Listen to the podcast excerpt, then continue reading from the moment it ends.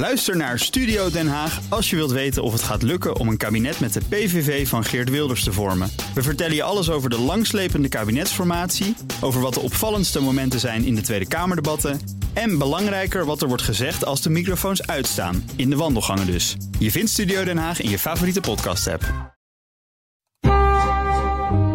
De Perestroikast. Een blik op Oost-Europa.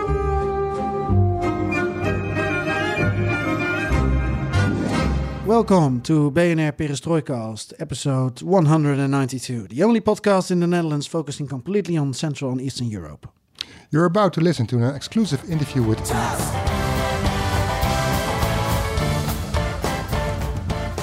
Nah, it's not Donald Tusk, we're joking.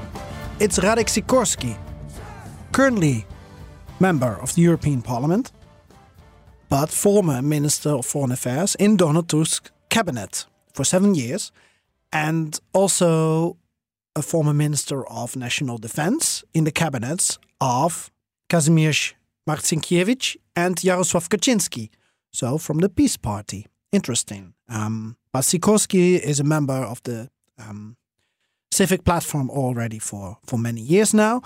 And we met each other in Strasbourg after the uh, State of the European Union uh, annual speech done by, in this case, um, President of the European Commission uh, Ursula von der Leyen.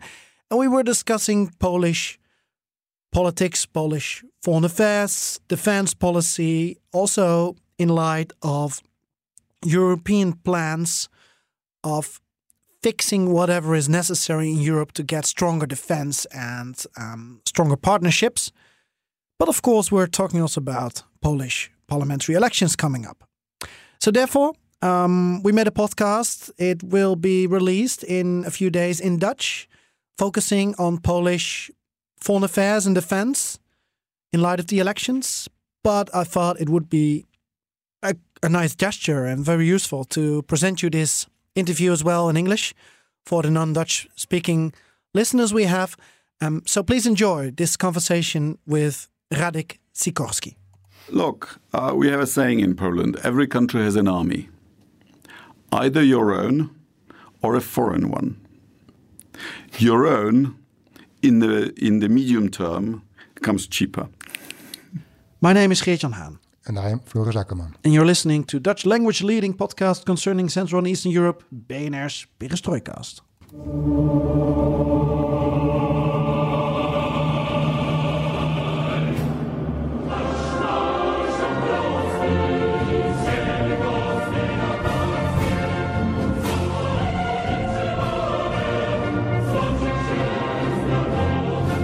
Mr. Sikorski, I want to talk about defense and security from a European perspective, Polish perspective. But first, um, one question because I had the honorable opportunity to meet you once before, and it was in Kiev, February 2022. Uh, you were in Ukraine on an EP fact finding mission. Uh, we met in Kiev. It was the, the morning after you came back from Mariupol, actually. And three weeks later, Russia started the full fledged aggression in, in Ukraine. Um, and I think you can confirm that I was among those who expected, unfortunately, that that invasion would come. looking back, the devastation in Mariupol. Yeah, it's horrible. Do you, do, do you think about that sometimes? Often. Yeah. Um, and I'm thinking what uh, the West, Europe, the US uh, could have done to deter Putin earlier. Uh, you know, some of us uh, were warning allies that this would happen. Um, uh, I'm on the record uh, uh, many times, also in American diplomatic telegrams. I put a Polish consulate in Sevastopol because I expected that to be the flashpoint, and so it proved. And so at least we had a flow of, of information during the Russian Anschluss of Crimea.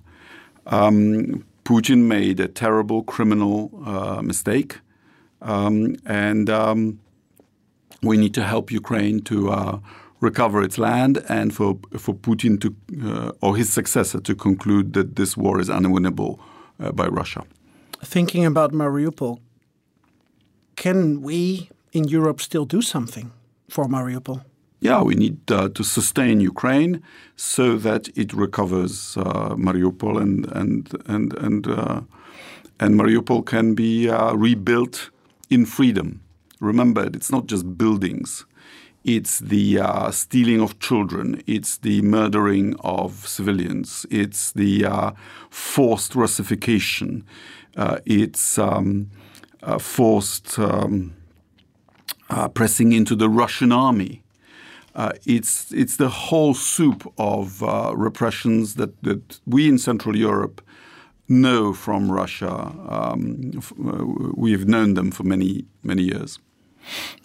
Ukraine gave you the inspiration, and I quote, to to to write this fascinating and, and maybe even sobering article in Foreign Affairs, um, published in July and August this year. In Poland, um, um, no, um, it's it's called Europe's real test is yet to come. Will the continent ever get serious about its own security? I will all my, my listeners advise to to read this article. Thank you. But in brief, what's the real test for Europe yet to come? You know, here in Strasbourg, I asked many times. You can look it up. Um, what kind of disaster has to happen on our periphery whether in the south or in the east, for us to get serious about defense. And this is a really big one, a major war in Europe. It doesn't, you know, we don't get better warnings than this. And I still don't see that uh, uh, as Europe, uh, we are serious enough. It's true that defense budgets are beginning to rise. But um, Putin is not someone that can be deterred by any one country uh, on its own. And of course, the United States has rallied round and uh, and, overperformed and and uh, and helped. Uh, but we we were lucky. I mean, we have Joe Biden in the White House, and we don't yet have an American-Chinese uh, uh, crisis. Um, so we have to think about what we are capable of if the Americans are otherwise engaged. And we have to think about it. Actually, you know, the argument is very simple. It's what we do about it that matters. Uh, because defense systems uh, take not months or years, but decades to create. We are, we are way behind the curve. Um, Putin is hoping that Trump will uh, win the next uh, election in the US. Then I think the US uh, would be less committed. Um, and then what are we Europeans going to do about it?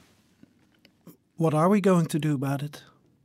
Well, at the moment, uh, we have a defense budget called the Peace Facility, 7 billion for seven years, which we've already spent, thank God, on helping Ukraine. But this needs to be multiplied. I think the European budget is a good vehicle for uh, creating a defense budget because it's fair. It's, it's assessed according to GDP. Um, and we have uh, asked for a, a, reinforced brigade to be created in two years' time, 5,000 soldiers plus. Good first of all, should have been done years ago. Remember that uh, after the Balkan Wars, we were promising ourselves many times more that those numbers. Uh, and 5,000 people, a brigade uh, with some additional components, is enough to um, deter or defeat Wagner Group in Libya or Mali, uh, perhaps some Balkan warlord, mm-hmm. but certainly not enough to, de- to deter Putin. And if Putin is a threat to all of Europe, then the burden of deterring Putin cannot fall on just the flank uh, states, you know, the, the, Eastern Europeans who are closer to Russia, but who are also poorer. Um, it's, it's, it's inefficient and unfair. Uh, so we need NATO, and as long as uh, there are Atlanticists in charge of uh, the United States. I have, uh, you know, NATO is of course our first port of call, our first uh, um, insurance policy. Um, but I would feel, um, um as a European, more safe if we had a second European uh, insurance policy. bearing this in mind, knowing that you have so much experience on defense and foreign affairs in, in Poland and in Europe, looking at today, did the president of the Commission today, during her speech, elaborate enough on this um, test for Europe regarding defense and security to transform us from a um, militarily weak confederation into a genuine superpower, like you're stating? Uh, she said all the right things on Ukraine, but on defense, she spoke in one of the previous states of the State of the Union addresses. I can't remember whether it was a year ago or two years ago. Uh, I was actually engaged in a discussion about uh, what uh, needs to be said.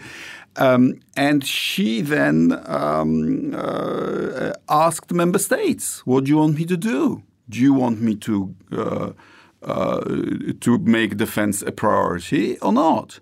Um, and this was before the uh, Russian invasion of Ukraine.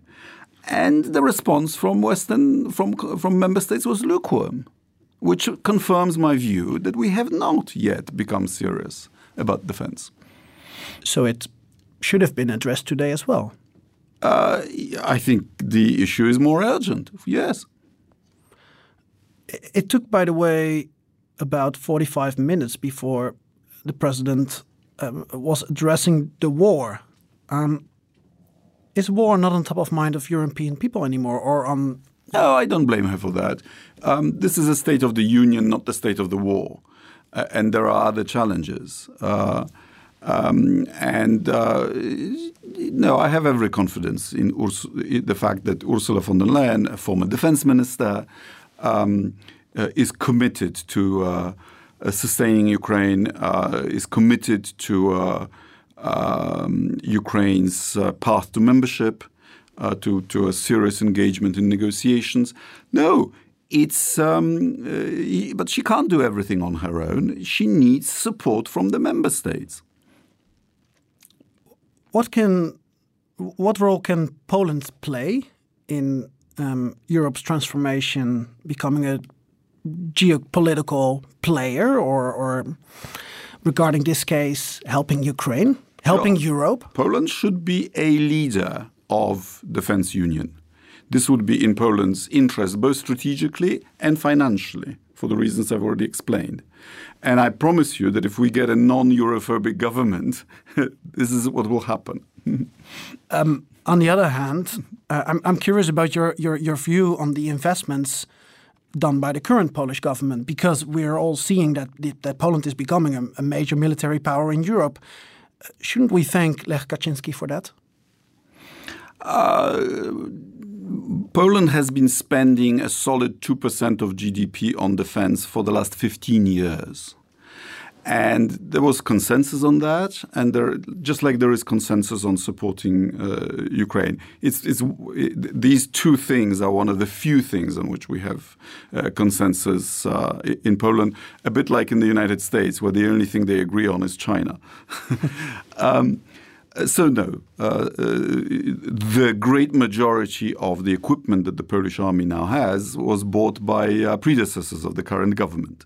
But yes, we are increasing uh, our defense spending to. Uh, uh, I think it, it, it's three percent of GDP this year, and there are plans to go even higher.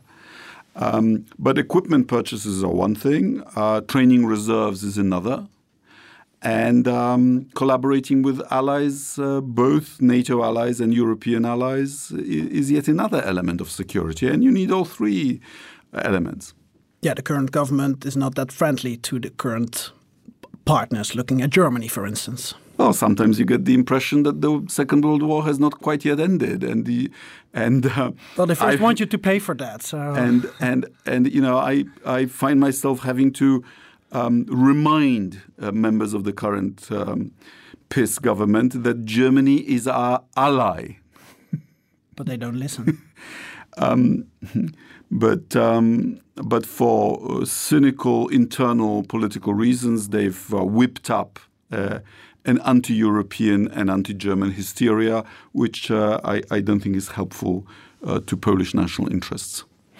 And is there sometimes, looking at the, the past months, maybe too much fear in, in Poland regarding um, uh, current government screaming for help because there might be some Wagner militias crossing the border? Um, Well, that was actually somewhat amusing when the uh, current prime minister said a couple of weeks ago that Wagner might reach Warsaw in two hours, which doesn't exactly paint a picture of a of a powerful military that they that they uh, that they have supposedly created from scratch.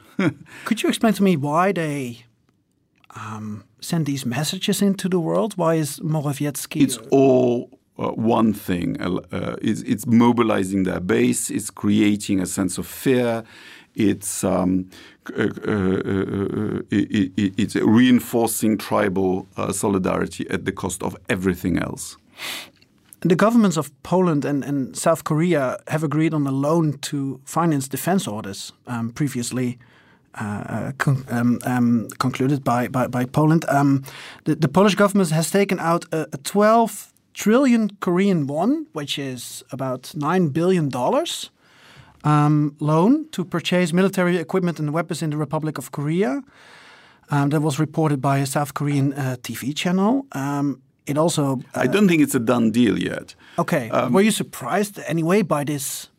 Well, there's nothing in, inherently surprising about uh, weapons purchases being uh, financed with government to government loans.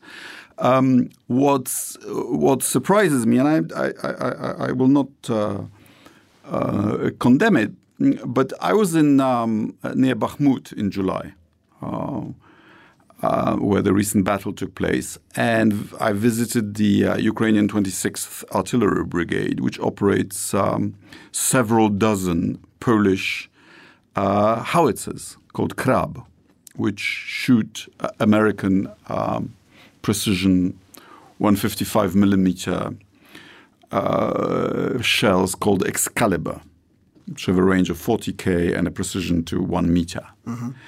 And the Ukrainians couldn't be more positive uh, about the Polish howitzers. And as I understand, the Ukrainian howitzers are the Korean howitzers are very similar. So and Korea is a friendly country, and uh, we've uh, we have very fruitful areas of, co uh, of, collaboration. But this is just something that I don't get. When we have a Polish product that is very similar, why why don't we produce uh, more of these successful howitzers?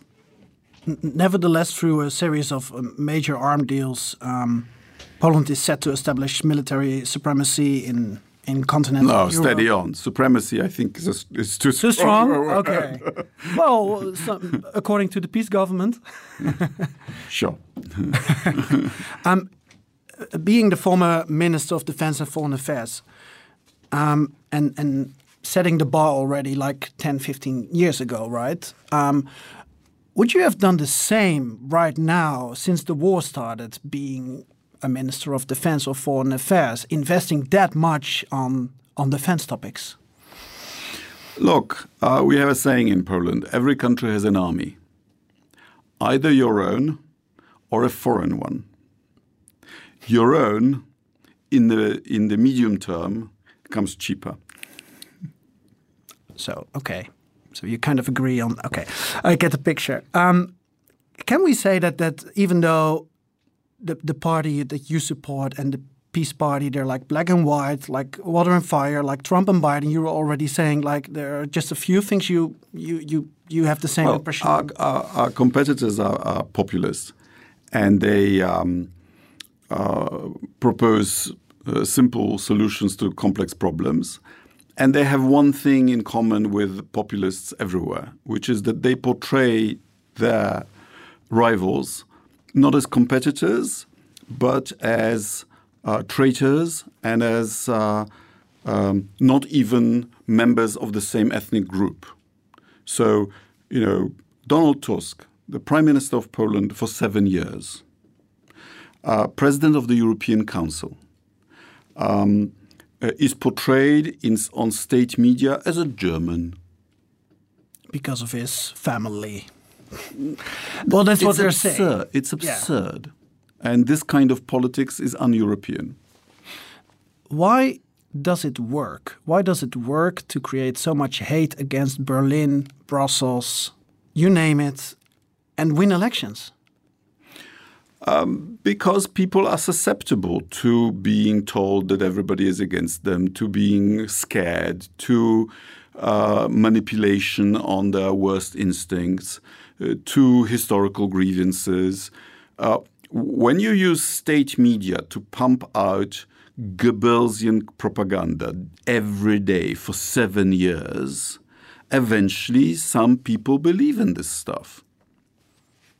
And it's very dangerous coming from the Netherlands, from a country and from a, a generation that has never experienced war, um, could you explain to me, to my listeners, maybe one more time, why people in Poland do fear war, also for a reason, why they are truly afraid of Russia even coming after Poland? Well, you know, Russian troops only left Poland in 1993. Uh, politically speaking, Second World War did not uh, end for us until 1989, and you might even argue until 2004 when we joined the European Union. So these memories of occupation and bombing and war, which are ancient history for you, are for us a little more um, a little a little more recent. Um, because we have a sense that we lost a couple of generations of development um, because of the uh, of Yalta, because of the Soviet victory and and, and, and Soviet occupation after defeating Nazi, Nazi Germany. Um, you know, the, the, these are. You know, we our ancestors chose for us to live on a on a on a on a defenseless uh, plain with no natural borders uh, between two more powerful neighbors. Um, um, but I think in Europe we need to understand one another's perspectives. Uh, you know, Europe will only be truly united when when you feel our pain and we feel yours, and and when we uh, know enough about each other's history. I, I did appreciate um, be, being being in Gdansk uh, two weeks ago, visiting the European Solidarity, which is the Center. place where the Second World War started, and it's also where Solidarity started. Yeah, uh, even bought this uh, notebook from the Stocznia. Sure, and which Mr. looks and Gdansk looks like uh, Amsterdam, uh, and it's not a coincidence uh, because. Um, uh, the, the, the, the, whole territory of today's Poland, Ukraine, Belarus was once um, a, a, hinterland uh, producing massive uh, quantities of grain. Which were sold on the Amsterdam Grain Exchange yeah. and, uh, and and and constituted a, a, a, sizable proportion of your grain supply. And there was there were, there were these uh, vital trade links. Uh, Hansean, Hansean Hanseat, Hanseatic League, yes, that's right. Yeah. Um, I have one more question regarding uh, Poland becoming a European military superpower. Um, now, steady on. I have to. I have to calm you down. Poland yeah. is not becoming a, mili a, a, a military how superpower. You, how would you describe it? Poland is um, taking precautions. You know, I'm accused on state propaganda in Poland of, of, of trying to normalize relations with Russia, which we did, like everybody else. You know, we knew we knew what to think about Putin, but while Putin was playing along to some extent, we were encouraging, trying to encourage him in the right direction. Um, uh, but Poland, of course, had a plan B all along, which I've already mentioned uh, we were spending 2% of GDP on defense. And our uh, quarrel with some West Europeans is that they didn't, that they, that they consumed the peace dividend for too long. And we now have to catch up. I saw um, that they were demonizing you in the Reset documentary you are referring uh, to, right? The way yeah, they yeah, treat you and Mr. Tusk. Well, just to illustrate to you uh, how ridiculous uh, the propaganda can be. So, uh, so I had uh, Minister Lavrov to Warsaw, and uh, we had um, normal diplomatic conversations. And Lavrov uh, is a chain smoker. So, but the place where we had the conversation, uh, this is a, a, an 18th century palace in in the uh, in Warsaw, uh, Park. Um, the particular room is under strict uh, a, a protection of ancient buildings because it was the uh, the cabinet room of our last king. So I said, no, you can't smoke here. and so he begged with, that he could go onto the balcony and smoke on the balcony. So we went out for five minutes uh, onto the balcony and continued the conversation. And, and someone took a picture of us on the balcony. Wow. And you see, this is proof of my treason. I spoke to Lavrov on the balcony while he was smoking a cigarette. You must admit that it's very suspicious behavior. Yes, you're uh, uh, truly a threat. um, uh, regarding the elections coming up in your country, um, Mr. Tusk isn't giving interviews to foreign press. Um, is that a good strategy? Is it necessary because otherwise he will be well? His voters are demonized not, are not in the Netherlands. No, but even but I heard, but I, you you you know the emotion in Poland currently, or the well, it's not, not a positive emotion, of course, but it's the same now with the grain um, fight between the Commission and Poland. I don't and think the former president of the, of the European Council has to prove his European credentials. You can be assured that he's a good European. Of course, but you're not. I was just referring to this because um, maybe everything he says in in foreign press can be used against him again. Of course, it is. Okay. Okay, I will give you an example which I, I bet you will find uh, um, incredible of how he is portrayed on Polish state TV. Okay, so after he ceased to be uh, president of the European Council, he was chairman of EPP, which is the largest uh, confederation of uh, Christian democratic parties here in the European Parliament. And in that capacity, he is asked, just like his predecessors, he was asked to address the national congresses of EPP member parties and affiliates. And being a good politician, um, uh, he would always try to include a few sentences in those addresses in the national language of that party. So, uh, including when he was asked um, to address the CDU. And so he said to the CDU, uh, good luck in your, with your Congress, good luck with your deliberations. Uh, but remember, uh, don't think only of what you can do, do for Germany, für Deutschland, think of what you can do for Europe.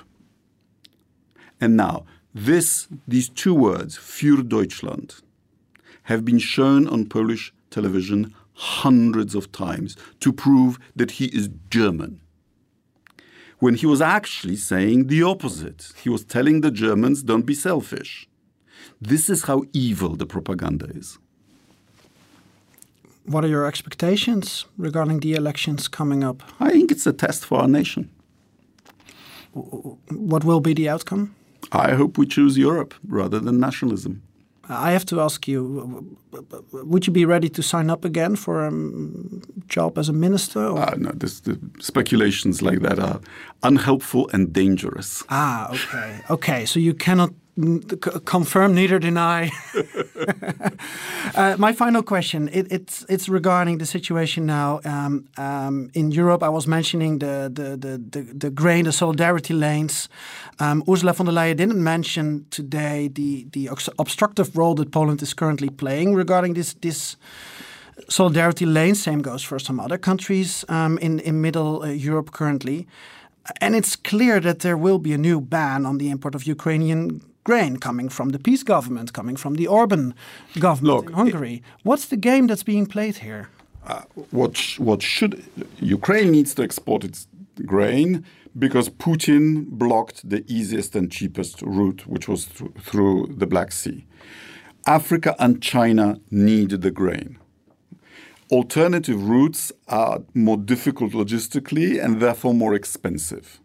So the task for member states and for the European Commission was to help organize those alternative routes and perhaps pay the difference in price so that the grain can get to its traditional markets. Yeah. Instead of which, the grain was admitted not just into the EU single market as the PIS appointed uh, uh, commissioner for agriculture, admitted to me here in Strasbourg a month ago two thirds of the Ukrainian grain stayed in Poland. You can imagine what this has done to the grain price in Poland. And you can imagine what Polish farmers think about it. So, this Polish government allowed Polish grain trading uh, companies to make money on buying and selling uh, Ukrainian grain instead of asking the EU and partners and friends to organize the transit. And this is the, the, the, the, the, source of the crisis that we have now. What we have to do is to solve the issue and not play a blame, blame, blame game, and particularly not blame the Ukrainians who are fighting for their lives and need the money. So, should there be grain transit or even grain import to Poland? There should be what I've described a controlled transit Yeah. from Ukraine to its traditional markets. Okay, but should it be through Poland, according to you? If, If you in- if you fix whatever if it's is in um, going wrong, co- uh, uh, uh, uh, trains going to the port, I don't see a problem, and I don't see why this has not been done yet. okay. Thank you for your time. My really pleasure. appreciate it, and uh, good luck on everything you're doing, and good luck in the uh, well, campaign supporting um, your party. Thank you. Thank you, Mr. Sikorsky. Thanks. Goodbye. Als Europees marktleider op het gebied van internationale arbeidsmigratie bemiddelt Otto Workforce in de werkgelegenheid over de grenzen. Zowel binnen Centraal- en Oost-Europa als naar landen in West-Europa. Daarin ligt de focus op de motieven en ambities van de medewerkers. De visie van Otto Workforce is dat circulaire arbeidsmigratie de toekomst heeft. Dus niet alleen het bieden van werkgelegenheid voor cruciale beroepen, maar tegelijk het faciliteren van de terugkeer naar het land van herkomst na verloop van tijd. En dit alles goed gereguleerd. Meer weten? Kijk op www.ottoworkforce.com. Ook Liesbeth Staats vind je in de BNR-app. Ja, heel handig. Luister live naar Kees en mij tijdens de Daily Move. Dan blijf je ook gelijk op de hoogte van breaking news en het laatste zakelijke nieuws. En daar vind je ook alle BNR-podcasts, waaronder de Perestroikast. Download nu de gratis BNR-app en blijf scherp.